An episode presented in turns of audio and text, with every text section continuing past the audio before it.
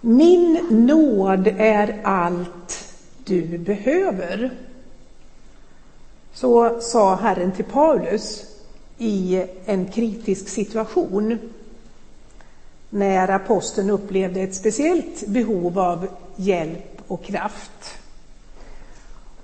Och Gud han svarar eh, på Paulus bön men inte genom att röja undan det konkreta problemet. Och inte heller genom att ta bort apostelns mänskliga svaghet.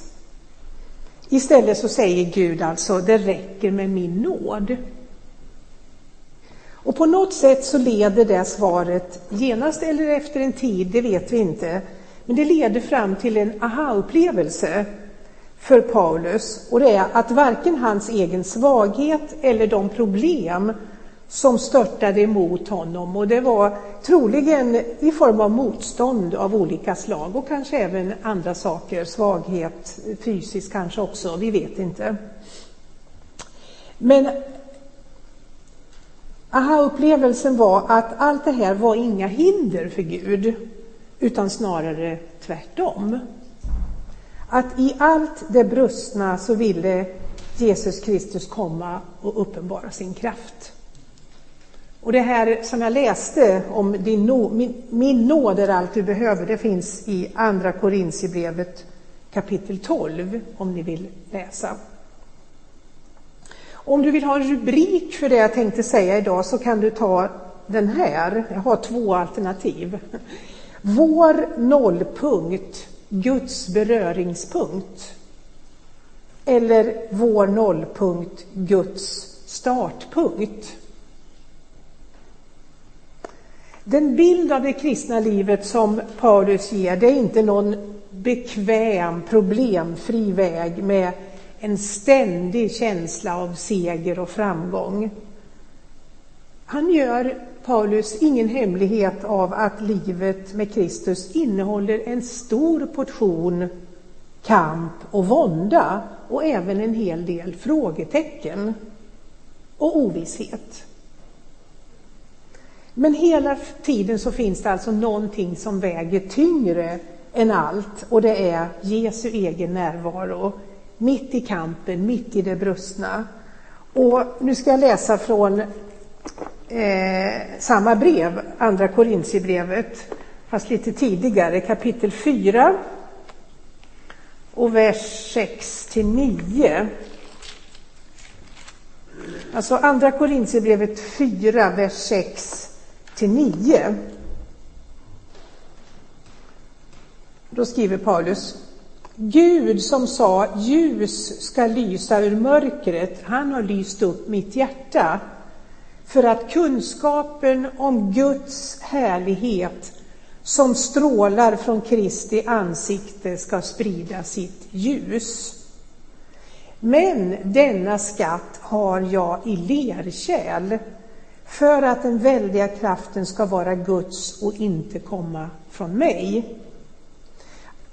Alltid är jag ansatt men inte kringränd, rådvill men inte rådlös, förföljd men inte övergiven, slagen till marken men inte förlorad. I vår mänskliga natur, den av synden förvillade, så bär vi på en ingrodd rädsla för svaghet. Svaghet är någonting som bör avhjälpas eller undvikas. Och i värsta fall så övergår rädslan i rent förakt. Det finns hela samhällssystem som har byggt på detta föraktet för svaghet. Men det synsättet det går stick i stäv med evangeliet. Och evangeliet visar ju hur Gud själv gick den totalt motsatta vägen. Evangelium handlar om hur Gud går tillväga när han löser mänsklighetens problem och vår allra djupaste problematik som är synden, sönderfallet, vår bortvändhet och vårt uppror. Vad gjorde Gud när han skulle lösa knuten? Jo, han gick till korset. När Gud ville visa sin kraft och vishet för världen så väljer han svaghetens väg. Och det skriver Paulus om i, också i sitt första brev till korintierna. Så tvärs emot den rådande tidsandan och i kollisionskurs med faktiskt både judiskt och grekiskt tänkande så presenterar Paulus den korsfäste Kristus som Guds kraft och Guds vishet. Och han påstår att denna Guds svaghet är starkare än människor. Han skriver så här i första Korintierbrevet, i första kapitlet från vers 18. Första Korintierbrevet 1.18. Det, talet om korset är en dårskap för dem som går förlorade, men för oss som räddas är det en Guds kraft. Det står skrivet, jag ska göra slut på de visas vishet och de förståndigas förstånd ska jag utplåna. Var finns nu de visa, de skriftlärda och denna världens kloka huvuden? Har inte Gud gjort världens vishet till dårskap?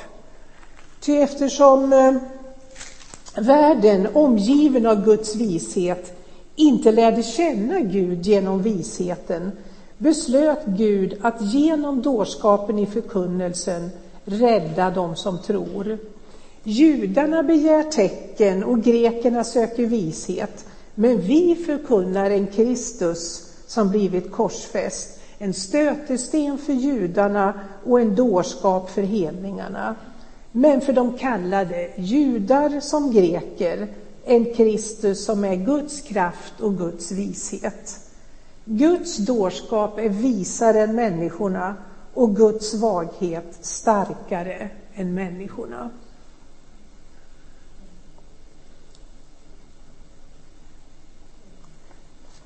Och eh, helt i linje med den här omvända livssynen får vi sen veta att Gud har utvalt det som enligt världens måttstockar är svagt för att visa att i Guds rike är det andra värderingar som gäller. Och då fortsätter Paulus så här från vers 26 i Första Korinthierbrevet 1. Bröder, tänk på när ni blev kallade. Inte många var visa i världslig mening, inte många var mäktiga, inte många förnäma. Men det som är dåraktigt för världen utvalde Gud för att låta det visa stå där med skam. Och det som är svagt i världen utvalde Gud för att låta det starka stå där med skam. Och det som världen ser ner på, det som ringaktas, ja, som inte finns till, just det utvalde Gud för att göra slut på det som finns till. Så att ingen människa skulle kunna vara stolt inför Gud. Gud föredrar att skapa ur intet. Det gjorde han i skapelsens morgon och det fortsätter han med. Där det är tomt och öde säger han sitt var det ljus. Ljus blir till. Och då är frågan, upplever jag det som en tröst eller som ett hot? Är det goda nyheter eller dåliga? Att Gud verkar utifrån vår nollpunkt snarare än utifrån vår styrka. Var det goda eller dåliga nyheter? Jag vill knyta an till ett ord i femte Mosebok som från början är riktat till Israels folk. Men det finns ju nedskrivet också till våran lärdom. Och det är femte Mosebok 32 och 36.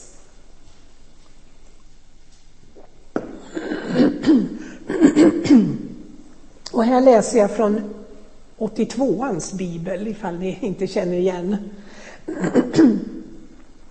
Alltså den reviderade 1917 då. Femte Mosebok 32-36.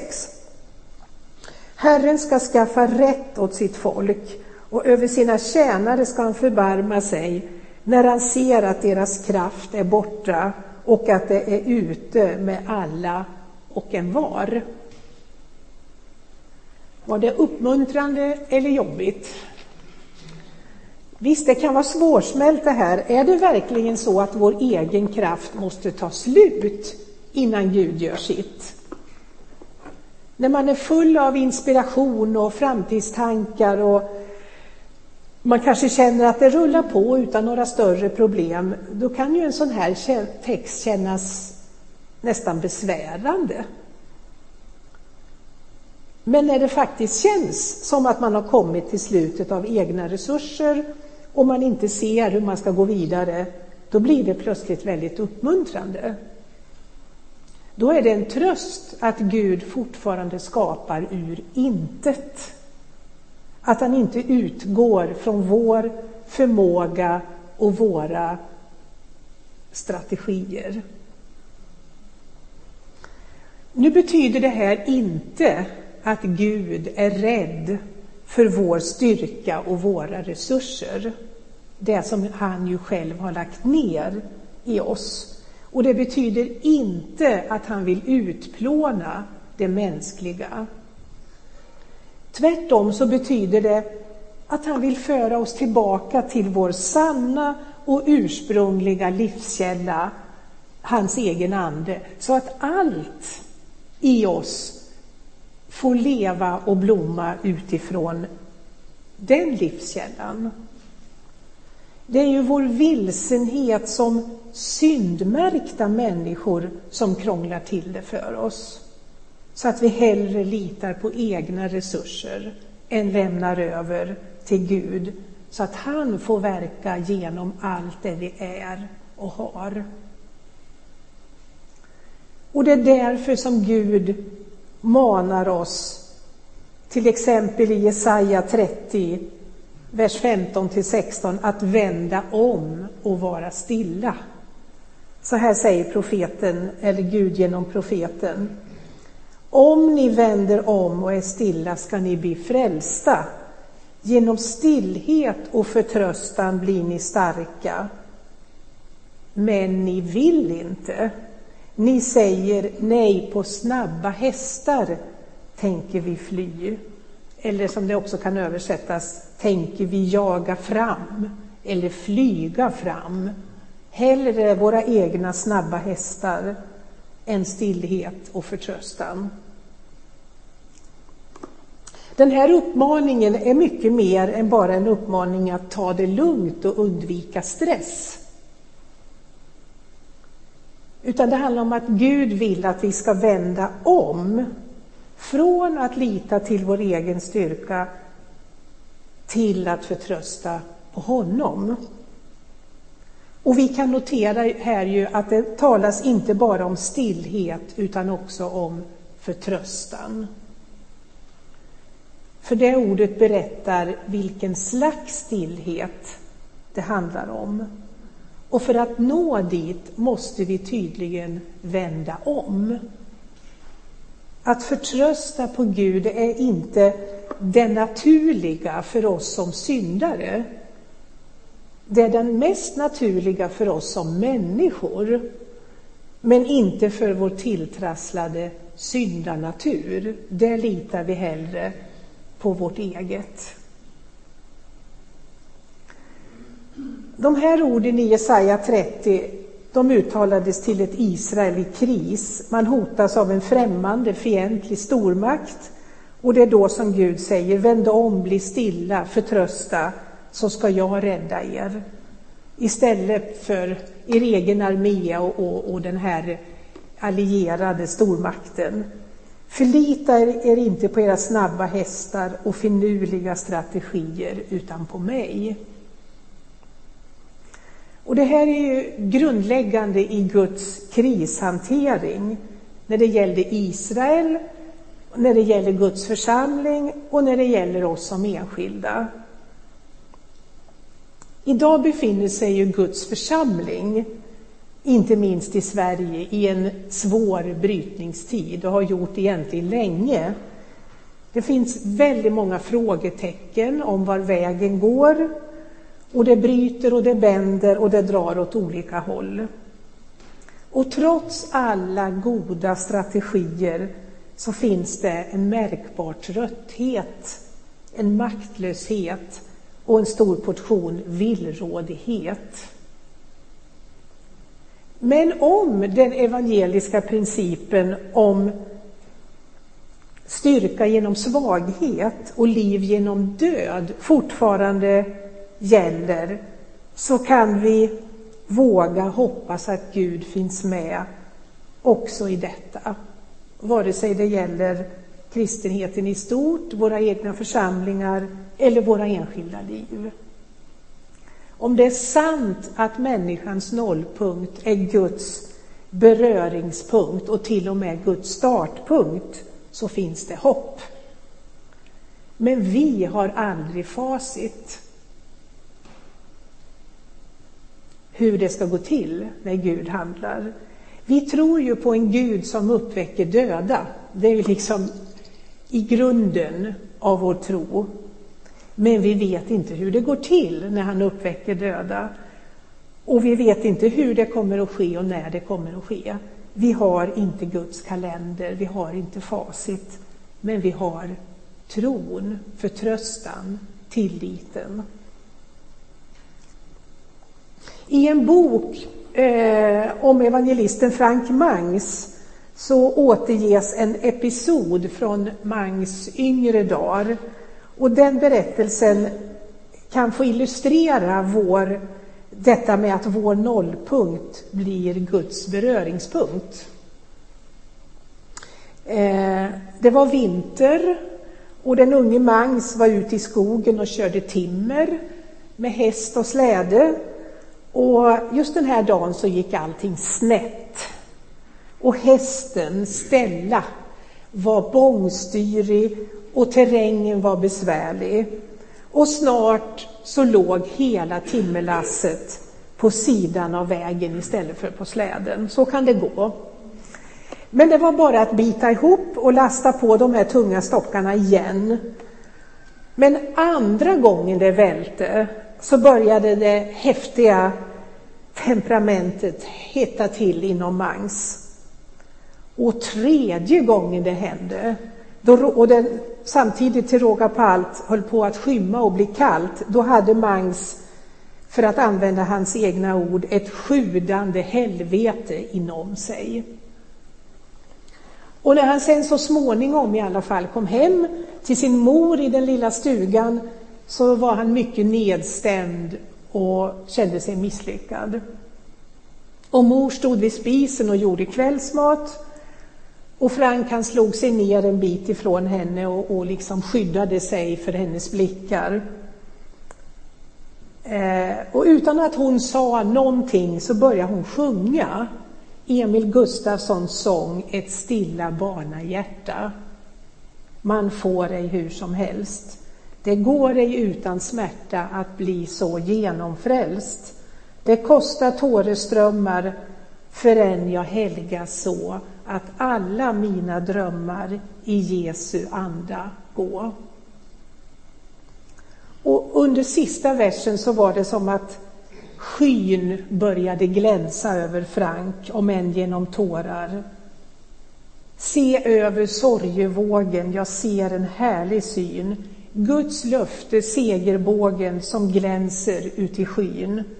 Så vill jag Herren bida, han inga misstag gör och sorgefloden vida till Jesu hjärta för.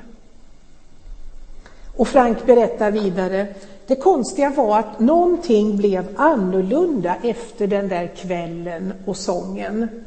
Stella var sig lik, för hon hade inte hört en ton om ett stilla barnahjärta. Och skulle hon ha gjort det så hade hon begripit lika lite av den sången som tyvärr somliga människor gör.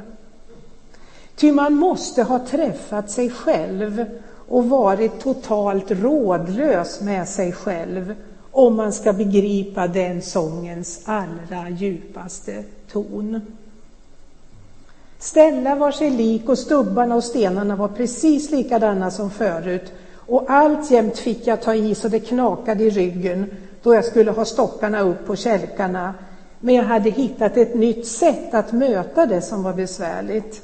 Istället för att stirra på stockarna som låg på snön, istället för att ligga på kälkarna, där de borde ha legat, så började jag låta min inre blick se uppåt. Och då fann jag att min frälsare stod alldeles bredvid mig vid det kullvälta lasset. Slutcitat. Vad var det som hade hänt? Jo, Mangs hade fått syn på den där skatten som Paulus skrev om. Skatten som läggs i just bräckliga lerkärl. Den skatten som är Jesu egen närvaro mitt i det brustna, mitt i kampen. Det var det ljuset som gick upp i Mangs mörker. Det var ljuset från Kristi ansikte som plötsligt började stråla över honom där han satt och sörjde sitt hopplösa tillstånd. Ty Gud som sa ljus ska lysa ur mörkret, han har lyst upp mitt hjärta för att kunskapen om Guds härlighet som strålar från Kristi ansikte ska sprida sitt sken. När vår egen förmåga rinner ut så står Gud där för att möta oss. Och vi kan använda Frank Mangs berättelse och byta ut stockarna och stenarna och ställa och, allt det här mot det som vi snubblar över på vår väg och det som ställde till förtret för oss och får oss att känna av mörkret i våra hjärtan. För de erfarenheterna kommer vi inte undan, för de är en del av Guds pedagogik i våra liv. För visst är det väl ofta så att först när vi blir varse vårt eget mörker blir vi tillräckligt desperata för att helhjärtat vända oss mot ljuset. Och när vi tillräckligt länge har jagat fram på våra snabba hästar utan resultat så slår det oss att det är dags att vända om och bli stilla. Man måste ha träffat sig själv och varit totalt rådlös med sig själv om man ska begripa den sångens allra djupaste ton. Och kanske måste vi, både som enskilda och som församlingar, komma till en krisens vändpunkt innan skyn börjar glänsa över oss. Att vända om och bli stilla. Att få ett stilla barnahjärta som förtröstar på Gud istället för på egna resurser och strategier. Det går inte alldeles smärtfritt för oss heller. Men hela tiden väntar Jesus på oss. Inte långt borta, utan djupt i våra egna hjärtan. Där glimmar skatten, den där djupa hemligheten som är Kristus i oss. Kristus i oss. Låt oss be. Jesus, tack för din närvaro i djupet av våra liv. Tack för skatten, Kristus i oss, som du vågade lägga i så bräckliga lerkärl. Tack att du tog den risken. Och vi ber, låt oss se och erfara hur du står där alldeles bredvid oss, också vid de kullvälta lassen. Ja, på hela vår vandringsväg så finns du där, går före oss och går med oss. Och tack för att den som kanske idag känner speciellt att kraften runnit ut och, eller att man har stora svåra frågor man är rådlös. Så tack att du särskilt vill komma riktigt nära, att du vill fylla med din ande, att du vill ge svar. Det svar som djupast sett är du själv och din närvaro. Tack att vi får komma till dig just nu, sådana som vi är just nu. Tack att du leder oss in i en djupare stillhet, en djupare förtröstan. Att du hjälper oss att vända om från att lita till oss själva till att förtrösta på dig. Tack för det samtal som du för med oss var och en. Lär oss att lyssna och följa. Amen.